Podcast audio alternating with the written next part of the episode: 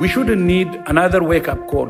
Tedros Ghebreyesus, de directeur van de Wereldgezondheidsorganisatie, had geen wake-up call nodig.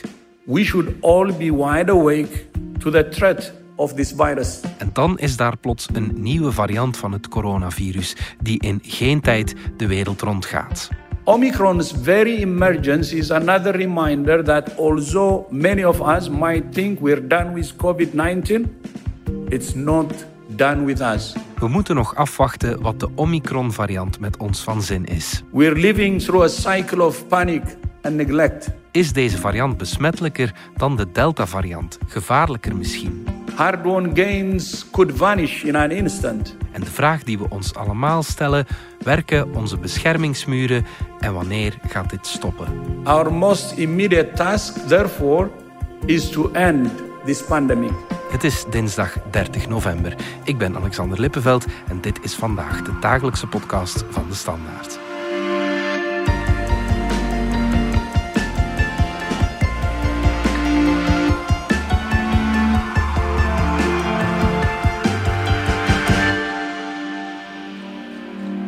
Dries Smet van onze wetenschapsredactie. Als we je vragen, wat weet je over de Omicron-variant, dan zijn we misschien snel uitgepraat. Hè? Uh, als je vraagt, wat weet je zeker over die variant, Ja. dan inderdaad, dat is zeker. Ja. Ehm, nu, anderzijds, er komt wel veel informatie bij Mhm. en die kunnen we wel interpreteren. Maar we moeten ja, eerlijk zijn en zeggen, we moeten een grote slag om de arm houden. Ja. Alles wat we zeggen is voorlopig en hypothetisch. Ja, Ehm, maar goed, voorlopig en hypothetisch, maar wel interessant. Wanneer hoorde jij voor het eerst van de Omicron-variant? Wel, donderdag hebben ze het wereldkundig gemaakt. De Zuid-Afrikanen hebben toen een persconferentie gegeven. Mhm. En ja, het was mijn collega van online die mij erop attendeerde en vroeg, ja, wat, wat moeten we daar nu mee doen? Ja. En ik moet toegeven, mijn eerste reactie was... Ja, niet nog een variant eh, die dan toch niet, toch niet betekenisvol zal zijn. Ja. Maar je moet weten, we hebben heel veel varianten gezien waar dan heel veel ophef over gemaakt is, Ja. Waar we vervolgens nooit meer iets van gehoord hebben. Dus je moet altijd wel iets voorzichtig zijn Ja. als het om zo'n variant gaat. Dus dat was ook mijn initiële boodschap van let, let maar op. Ja. Dat we daar, enfin, laten we geen grote paniek veroorzaken. Ja. Tot ik dan ja, wat later ging gaan kijken wat daar wetenschappers over zeiden, dacht ik van oei, nee, ik heb mij vergist. Ja. We moeten daar toch, op, eh, toch groter op gaan. En vier dagen later zit je in onze. Ja. Het is ook wel heel nieuw allemaal. Hè. Het is een variant die ons zorgen baart. De Wereldgezondheidsorganisatie noemde het maandag nog een groot wereldwijd risico waar landen zich goed op moeten voorbereiden. Vertel.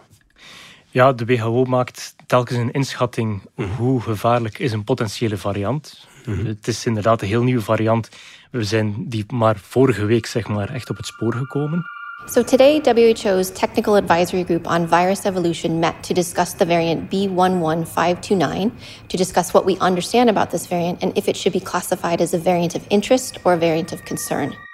Eh, dus dat is heel snel dat die gereageerd hebben. Ja. Maar die hebben wel meteen gezegd, dit is een zorgwekkende variant. Based upon the information that we have, particularly from South Africa, um, they have advised WHO that this variant should be classified as a variant of concern. En dat doen ze niet snel. Ze hebben dat tot nu toe al vier keer gedaan voor alpha, beta, gamma, delta. Ja? En dat is nu de vijfde waarvoor ze dat zeggen. So today, we are announcing B11529 as a variant of concern named Omicron. En dus dan gaan ze ervan uit dat er echt wel iets mis is met die variant. En dat kan op drie vlakken zijn. Dat kan zijn dat die of besmettelijker is, of dat die ziekmakender is, of dat die bestaande immuniteit of bestaande therapieën, bestaande testen minder werkzaam maakt. ja. En wat is vandaag de reden dan om dat te zeggen? Wel, waar ze nu vooral naar kijken, is toch wel die hogere besmettelijkheid. Dus ze zeggen, ja, ze zien vooral, kijk, die verspreiding die gaat potentieel veel sneller. En dat zien we vandaag al in Zuid-Afrika. Dat die variant, als je kijkt naar de gegevens van Zuid-Afrikaanse onderzoekers, op minder dan twee weken tijd dominant geworden is. Dus van bijna niets naar de helft. En Ja. ondertussen al verder doorgestegen is. Dus dat is heel snel. Als je bekijkt naar Delta, Delta heeft daar maanden over gedaan. Die ook al heel besmettelijk die al was. veel besmettelijker was. Ja, ja, ja.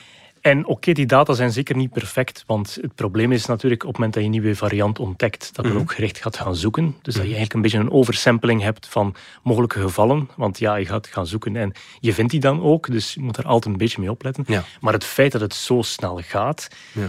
ja, toont wel dat er een heel snelle verspreiding in zit. En dat maakt, maakt wel ongerust. Ja, en wat maakt deze variant zo, zo besmettelijker? Ja, wat je ziet is dat, dat het wel een uitzonderlijke variant is in die zin dat hij heel veel mutaties heeft. Als je kijkt enkel naar het uitsteeksel, dus het corona is Latijn voor kroon, dus het heeft een kroontje met uitsteeksels. Mm Die uitsteeksel is heel belangrijk, mhm. omdat dat het uitsteeksel is die herkent de menselijke cellen, dringt binnen ja. en zorgt voor de verspreiding, dat is één. Ja. En anderzijds, dat is ook waar we ons verdedigingsmechanisme op maken. Het vaccin is eigenlijk een soort van codering om jouw cellen te vertellen, maak eens een cel met een uitsteeksel. Dat is waar onze verdedigingslinie op zit. Ons immuniteitssysteem herkent die uitsteeksel en gaat daarop gaan vastpinnen. Ja. Dus wat we nu zien bij die nieuwe variant is dat het uitsteeksel op 30 plekken gewijzigd is. Dus 30 mutaties en dan nog eens wat deleties en nog wat toevoegingen. Ja. En dus dat is een heel andere ballgame zeg maar, dan Delta, waar je de helft minder mutaties zag. Dus, dus dat is heel veel, hè? 30, dus het is, het is heel veel. En dat zorgt ervoor ja, dat dat mogelijk en besmettelijker is. Uh, Dat die makkelijker die cellen bijvoorbeeld kan binnendringen. En ook misschien dat onze vaccins en onze bestaande immuniteit minder goed gaan werken. Ja, dat vraagt ook Anthony Fauci, de Amerikaanse viroloog, zich luidop af. The profile of the mutations strongly suggests that it's going to have an advantage in transmissibility and that it might evade immune protection that you would right. get, for example, from a monoclonal antibody or from the convalescent serum after a person's been infected and possibly even against some of the vaccine induced antibodies. So it's not necessarily that that's going to happen, but it's a strong indication that we really need to be prepared for that. Dries, kan de Omicron-variant onze immuniteit omzeilen? Uh, dat lijkt wel zeker. Mm. Uh, dus als je naar die eerste gevallen kijkt, bijvoorbeeld de eerste gevallen uit Botswana waren vier mensen die reisden, mm. waren allemaal volledig gevaccineerd mm. en raakten toch besmet. Dus het kan zeker. Ja. Kan ook niet anders als je naar Zuid-Afrika kijkt. Daar is al een heel groot deel van de bevolking besmet geraakt. Ja. Men schat 60 à 80 procent. Dus dat is vrijwel de volledige bevolking, zeg maar. En je hebt dan nog een keer uh, eh, 25 procent die ingeënt is. Dus je kan bedenken dat als die variant niet zou ontsnappen aan de immuniteit, ja, dan zou die waarschijnlijk geen opgang maken. Dus dat, is, dat is één iets wat we vaststellen. En het andere wat we ook zien is, men heeft onderzoek gedaan naar ja, hoe goed helpt je immuniteit nu tegen varianten die heel veel mutaties hebben. Ja. Het is een interessant onderzoek dat in Nature verschenen is. Wat heeft men daar gedaan? Enerzijds heeft men verder gekweekt met virussen en gekeken, ja, maar als wij daar nu verschillende generaties laten doorgaan en we mhm. laten daar antistoffen op los, welke mutaties ontstaan er? Dat is gevaarlijk virus, moet je zeker niet thuis proberen. maar men heeft gekeken, ja, welke mutaties ontstaan er ehm, als we dat, als dat gaan doen. Men is ook gaan kijken naar welke mutaties zijn nu ontstaan bij alle andere zorgwekkende varianten. En men heeft eigenlijk een soort van supermutant gemaakt met dan twintig mutaties uit die steeksel. Mhm. En dat heeft men vervolgens dan in labo getest met bloed van patiënten die al corona gehad hadden, mhm. met bloed van mensen die gevaccineerd waren en dan ook mensen die al en besmet en gevaccineerd waren. Mhm. En dan gekeken, ja, slagen die er nog in, die antistoffen, om die mutant te neutraliseren? Mhm. En dan bleek daaruit dat ze er eigenlijk heel slecht in zijn. Dus dat zo'n variant met zoveel mutaties, dat onze antistoffen daar best wel moeilijk mee hebben. En dus je kan dat niet, niet zomaar doortrekken naar de nieuwe variant. Maar gezien dat het een variant is met zoveel mutaties, ja, mogen we wel geneigd zijn om te veronderstellen dat daar een effect zal zijn. Ja, oké. Ja, je natuurlijke bescherming na besmetting kan je natuurlijk niet aanpassen. Onze vaccins wel. Mhm. Is dat de volgende stap?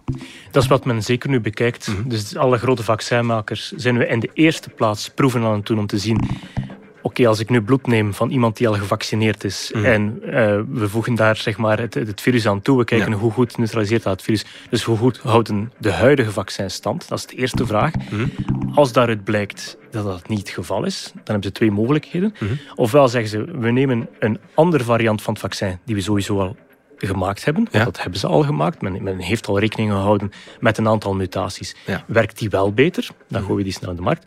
Ofwel moeten we het vaccin gaan aanpassen aan deze specifieke variant. Hmm. Wat ook kan. Dus die technologieën zijn daarvoor. Ja.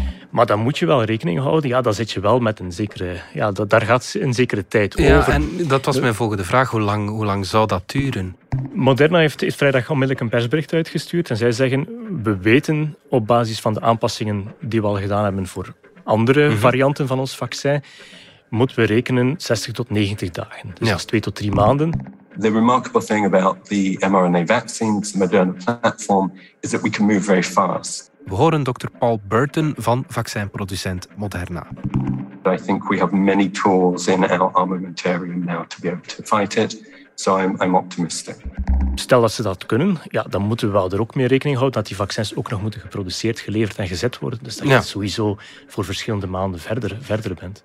If we have to make a brand new vaccine, I think that's going to be early 2022 before that's really going to be available in large quantities. Misschien een nog belangrijkere vraag, Dries. Is die variant ook echt gevaarlijker? Word je er zieker van? Want als je er een gewone verkoudheid van krijgt, ja, dan is het misschien wel te verkiezen boven andere varianten. Absoluut. Dat is een cruciale vraag. Ja, Want dit is zoals je schetst. Stel dat dat nu een mildere variant is. Mhm ja, daar hoeven we ook niet zo heel erg in te zitten met die grotere besmettelijkheid. Mhm. Als je daar niet ziek van wordt, mhm. ja, dan wordt je immuniteit opnieuw geboost door op een natuurlijke manier. Ja, ah, dan willen we misschien wel dat die variant doorbreekt uh, om het cru te stellen. Ja, e- exact, ja. ja, ja, uh, ook al zal er ook wel ziektelast mee gepaard gaan. Maar ja, stel dat een, een variant is die even ziekmakend is of mhm. ziekmakender, ja, dan moeten we ons natuurlijk wel grotere zorgen maken. Ja, en hebben we al een eerste beeld van wat het zal zijn? Wel, de eerste geluiden die komen uit, uit Zuid-Afrika. Ehm, mhm. En daar zeggen de artsen op dit moment, ja, we zien een milder verloop, mhm. ook wat andere symptomen voor grotere vermoeidheid. We luisteren even naar de Zuid-Afrikaanse Angelique Kutse, voorzitter van de Zuid-Afrikaanse Doktersvereniging.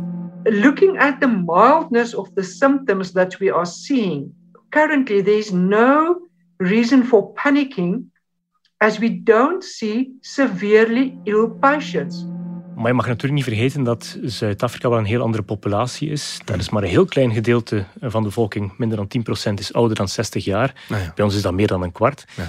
Dus je hebt daar wel een andere populatie. En we zien ook dat de ziektelast veel meer bij oudere mensen zit. Mhm. Dus je moet een beetje een slag om de arm houden. Zien we daar mildere symptomen op dit moment, omdat het ook een jongere bevolking is, die ook een grote immuniteit heeft. Want dat is ook mhm. natuurlijk belangrijk. Mhm. En wat zal dat doen als dat gaat circuleren bij een oudere bevolking en bij een bevolking die nog geen immuniteit heeft, die niet gevaccineerd is, maar ook nog niet besmet is geraakt? Er is altijd gezegd, het vaccin blijft ons belangrijkste wapen. Dat zegt ook premier De Croo. Vaccins blijven ons belangrijkste wapen tegen dit virus. Eh, de vaccins beschermen ons voor het 90% tegen ernstige ziekten en uh, beschermen ons voor het 70% tegen uh, besmetting. Dat blijft ook zo, hè, Dries? Ja, we hebben gezien dat die vaccins uh, zeker in het begin zeer goed werkten. Mhm. Wat we nu vastgesteld hebben, is dat je toch een zekere vermindering van de immuniteit na verloop van tijd, mhm. Ehm, ook door een Delta-variant, en dat we die beschermingsmuur moeten optrekken door een derde prik te gaan geven. Ja. We zullen dat moeten zien, maar het zou kunnen dat precies die, die derde prik ook opnieuw een goede barrière zal zijn mhm. tegen ook die nieuwe variant. Ehm, dus ook dat zullen ze nu snel gaan onderzoeken, dat zullen we snel gaan weten. En dan zit je eigenlijk ook opnieuw in hetzelfde stramien. Herinner je toen de Britse variant kwam? Was in december vorig jaar te begonnen net met die vaccinatiecampagne. Was het de reis tegen de tijd mhm. om heel snel de eerste prikken te zetten. Dan hebben we Delta gehad, was de reis om snel ook eerste en tweede prikken te zetten bij een volledige bevolking. Ja. En misschien zitten we opnieuw in datzelfde stramien waarbij we toch sneller onze derde prikken gaan moeten zetten om precies ook die dam opnieuw te gaan verhogen mhm. tegen die Omicron-variant. We zijn terug na de reclame. 7 uur opstaan, 7 uur 30 half uur joggen, 8 uur call met mijn ex, hm. 9 uur eerste meeting op het werk, 10 uur presentatie voorbereiden, 10 uur 30 presenteren, 12 uur de zoveelste meeting, 14 uur 221 mails beantwoorden, 18 uur de kinderen helpen met hun huiswerk wiskunde en om 20 uur 30 eindelijk verder bouwen met Lego. Even tijd voor jezelf nodig? Vind je flow met Lego en geniet van een ontspannende uitdaging. Zoek op Lego Sets voor volwassenen. Terug naar de Omicron-variant dan. Intussen proberen veel landen hun grenzen te sluiten voor Zuid-Afrika of worden reizigers uit Zuid-Afrika extra gemonitord. Het Verenigd Koninkrijk was een van de eerste landen om extra reisbeperkingen op te leggen. We horen hier premier Boris Johnson. But we now need to go further and implement a proportionate testing regime for arrivals from across the whole world. So, we're not going to stop people traveling. I want to stress that. We're not going to stop people traveling, but we will require anyone who enters the UK to take a PCR test by the end of the second day after their arrival and to self isolate until they have a negative result. Dries, gaan we die variant echt buiten kunnen houden? Dat is heel onwaarschijnlijk. En als je kijkt naar de autoriteiten, ECDC, ehm, dus Europese autoriteit, ook WHO, zegt eigenlijk de kans dat dat gebeurt, of dat we dat kunnen tegenhouden, is klein. Zeker als je vandaag al ziet hoe groot die verspreiding is. Dus er zijn al heel veel landen die uh, besmettingen met die nieuwe variant gemeld hebben. België is daar één van, maar je ziet het net zo goed uh, op alle continenten. Canada heeft het gemeld, Australië heeft het gemeld. Mm -hmm. uh, Hongkong was ook een van de eerste die het gemeld heeft. Afrika uiteraard ook, als, als hele eerste. Mm -hmm. Dus het zit al overal en dan is het wel moeilijk om het, om het tegen te houden. Ja. En ECDC heeft zo'n berekening gemaakt. Wat als landen nu echt strikte zeer strikte reisverboden gaan instellen. Ja. Hoeveel vertraagt dat de verspreiding van een zekere variant? Ja. En dan komen ze op ongeveer twee weken. Dus je, je, je koopt daar wel tijd, wat tijd mee. En dat is misschien ook niet onbelangrijk, mm -hmm. maar je gaat het daarmee niet structureel gaan tegenhouden op Ja. een moment dat je ziet dat het eigenlijk al over de hele planeet verspreid is. Ursula von der Leyen, de voorzitter van de Europese Commissie, die roept op om die tijd ja, goed te benutten. We know that we are now in a race against time. We really have to use this time because there are precautionary actions we can take. First and foremost, highest priority is vaccinate, vaccinate, vaccinate. Boost, boost, boost as much as is possible. Waarom is deze variant eigenlijk in Zuid-Afrika ontstaan? Ja, we moeten wat, wat, wat voorbehoud maken. Het is niet zeker dat hij in Zuid-Afrika is ontstaan. Mhm. Dus wat we nu weten is dat het eerste geval is opgedoken op 9 november. Dat was inderdaad in Zuid-Afrika. Mhm.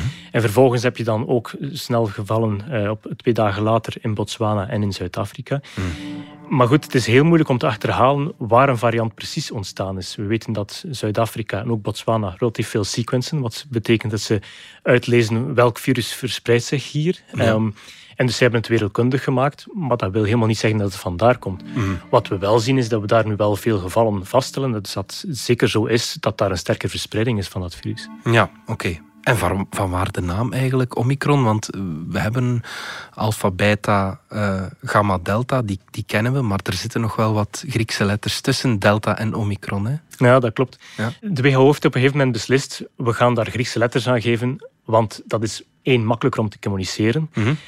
En twee, dat is ook minder stigmatiserend. Want wat we ervoor deden, herinner je, we spraken over een Britse variant, een Zuid-Afrikaanse variant, een Braziliaanse variant enzovoort. Dat is voor een stuk stigmatiserend en vaak ook niet correct, omdat je ook heel moeilijk kan toewijzen. Het is degene die het eerst er lawaai over maakt, zeg maar, Ja. of het wereldkundig maakt, die dan ook met, met het stigma zit. Dus dat bevordert ook niet om daarmee naar buiten te komen. Dus WHO heeft gezegd, we gaan neutrale namen kiezen. Ze hebben gekozen voor het Grieks alfabet. Ja. En dan zijn ze stelselmatig die, die letters gaan toepassen. Het is waar, we kennen alpha, beta, gamma, delta. Ja. Eh, er zijn ook andere varianten die ook sterk verspreid zijn. Denk maar aan mu en lambda. In, Ja. in, in Amerika, Zuid-Amerika zijn die sterker verspreid. Oké. Maar men gaat ook vaak een letter gaan toekennen aan een variant of interest. Wat betekent dat is een variant die we gaan moeten monitoren. Omdat als je die letter gaat gaan toekennen op het moment dat die nog niet zorgwekkend is, dan ben je vaak al te laat. En gaan mensen toch al gaan spreken van de Zuid-Afrikaanse, de Californische variant. Ja, ja, ja. En ja, dan ontstaat die naam sowieso al. Dus we zaten eigenlijk al aan de mu, dat is de dertiende letter van het Griekse alfabet. Ja. En dus moest men dan de volgende kiezen. En eigenlijk was het logisch om dan voor nu te gaan kiezen. Maar in het Engels is dat new, klinkt als new. Dus er was te veel verwarring. Je kon het verwarren met de, new, variant. vari- ja, Voilà. ja, ja, ja, ja. En dan de volgende letter was dan xi. Ja. Eh, maar En daar daar- zit iemand in China aan het hoofd. eh, Voilà, daarvan, zeggen ze, Ja. dat is ook een veelgebruikte familienaam, dus Ja. dat kan ook verwarrend zijn, gaan we niet gebruiken. En dan kwamen ze bij Omicron. Ja. Eh, Want je zegt Omicron en niet Omicron, hè? Ja. Nee, in, in het Grieks alfabet heb je twee letters O. Je hebt Ja. de O-micron, dat is de kleine O, en de O-mega, omega. Ja. Maar wij zeggen het Nederlands, en Van Dalen zegt het ook, zegt Omicron. Dus leggen wij ook het accent op de O. Voilà. Ja, voilà. maar waar blijven die varianten? Ja, het zijn er dus al veertien die we een letter gegeven hebben. Waar blijven die toch altijd maar vandaan komen? En wat, voor een snelheid varieert dat virus toch niet? Ja en nee. In, in, in, in die zin, er zijn heel veel varianten. Veel meer dan die 14 vooral Ja, duidelijkheid. ja, ja, ja, ja. Dus dat is ook niet onlogisch. Als je kijkt naar het de coronavirus dat we nu kennen, heeft een heel uitgebreid RNA, wil zeggen dat er heel veel mutaties mogelijk zijn. Mhm. Dat, dat zien we ook.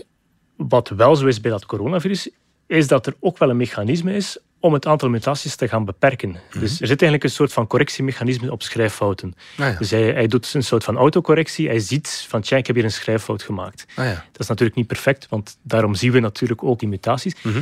Dat gaat behoorlijk traag als je dat vergelijkt met andere virussen, neem bijvoorbeeld het influenzavirus, eh, dat griep veroorzaakt. Ah, ja. Dat, dat, Dat- moet- dat muteert muteert veel, sneller. veel sneller. Ja. En er is ook veel minder een correctie op de fouten die daar gemaakt worden, dus dat gaat veel sneller. Ja.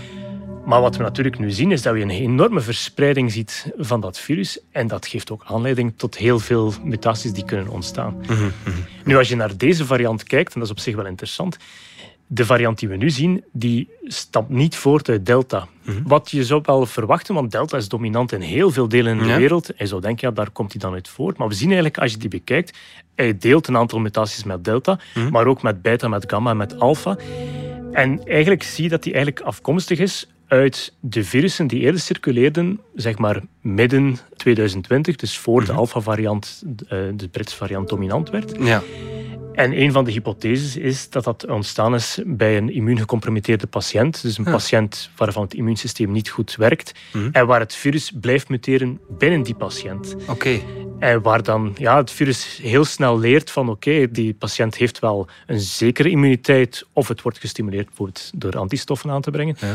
En dan leert het virus, oké, ik moet mij zo aanpassen. Ja. Eh, en die mutatie werkt. Dus, dat Dus als ik het goed begrijp, zit die ene patiënt potentieel al sinds midden 2020 met... Dat kan, dat het Ja. virus heel lang circuleert binnen die ene patiënt. Ja, ja.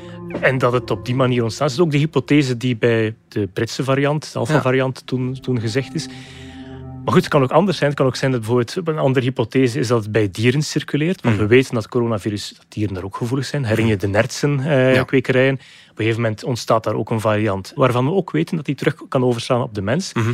Dus dat kan ook zijn dat het heel lang circuleert is binnen dieren en dan overgeslagen is. Ja. Het kan ook zijn dat we dat nooit, nooit, nooit gaan te weten Ik denk komen. dat die kans heel groot is Exact, dat je ja. dat nooit weet. Je praatte vrijdag nog met eh, Erika Vliegen, de infectiologe. Jullie werden er beiden een beetje moedeloos van, hè? Ja, omdat we natuurlijk wel altijd het idee hebben, het zal ooit wel eens opgelost geraken. Ja. Ehm, en ja, dan zagen we toch, we zien daar nu ook alweer een patroon, dat komt ook in golven. Mhm. Telkens als we denken van oké, de oplossing is nabij, en dat was eerst vaccins, Mhm. dan, eh, ja, dan komt daar toch een nieuwe variant, die alpha-variant, vervolgens die delta-variant. Nu opnieuw een nieuwe variant. En dat voel je, ja, we zijn opnieuw vertrokken voor toch ja, iets wat potentieel gevaarlijk is. We kunnen hopen dat die Omicron-variant het allemaal veel heisa is om niets. Dat Ja. die toch niet zoveel besmettelijker is of toch niet immuniteit omzeilt. Of dat die vaccins goed stand houden, wat, wat ook allemaal kan. Mhm. Maar je voelt daar is nog wel potentieel bij dat virus om ons opnieuw in een situatie te brengen waar we eigenlijk niet willen inzitten. Hoe is het voor jou, Dries? Je volgt dat nu al twee jaar. Je verdiept je in cijfers en toont vaak aan dat vaccinaties nog steeds meer dan zinvol zijn. Ik kan me voorstellen dat je veel eh, ja, onaangename e-mails krijgt. Hè. Dat valt behoorlijk mee. Ik moet zeggen, we hebben zeer beschaafde lezers en ook, eh, enfin, ook, ook heel interessante lezers. Dus die, het is waar, we krijgen wel wat mails, maar die zijn vaak ook wel interessant. Om twee redenen. Mensen kaarten iets aan waar ze zeggen, dit begrijp ik echt niet. Mhm. En dan weet ik, oké, dan moeten we wel ons best doen om het ofwel beter uitleggen of om het uit te zoeken, want soms weet ik het zelf ook niet. Nee, ja, ja. Of ze kaarten iets aan dat wel degelijk interessant is en dat we misschien ook wel eens, moeten opvolgen. Mhm. Ehm, dus dat geeft wel ook vaak inspiratie om te gaan zeggen, oké, we gaan nog eens dieper gaan kijken Ja. in alle aspecten die met het virus te maken hebben. Ja, en misschien de meest gestelde vraag is wel, geraken we er ooit vanaf? Dat is toch de vraag die ik me stel. Dat is een heel goede vraag en daar heb ik helaas het antwoord niet op. Eh, Jammer. denk, denk dat, wat, wat we na twee jaar geleerd hebben is, ja, er zijn daar geen zekerheden in. We kunnen niet met zekerheid zeggen, we, gaan, eh, ja, we gaan ervan afgeraken, we gaan nooit meer een lockdown meemaken. Helaas kunnen we dat niet zeggen. Anderzijds zie je wel, als je dat lange termijn perspectief bekijkt, ja, we slagen er toch wel altijd in om een oplossing te gaan vinden. En ik ben ervan overtuigd dat we dat ook bij die Omicron-variant gaan vinden. En dat we dan toch ook wel opnieuw naar een normaal leven gaan gaan, zonder dat we de garantie hebben ja, dat het eh, helemaal wordt zoals we voor de pandemie kenden. We zien wel. Dries is met, dankjewel. Met veel plezier. Dit was vandaag de dagelijkse podcast van de Standaard. Bedankt voor het luisteren. Ken je trouwens DS Podcast al, de podcast-app van de Standaard? Daar luister je niet alleen naar onze journalistieke reeksen, je krijgt ook elke week een eigenhandige selectie van de beste nieuwe podcasts op de markt. Alle credits van de podcast die je net hoorde vind je op standaard.be-podcast. Reageren kan via podcast.standaard.be. Morgen zijn we opnieuw.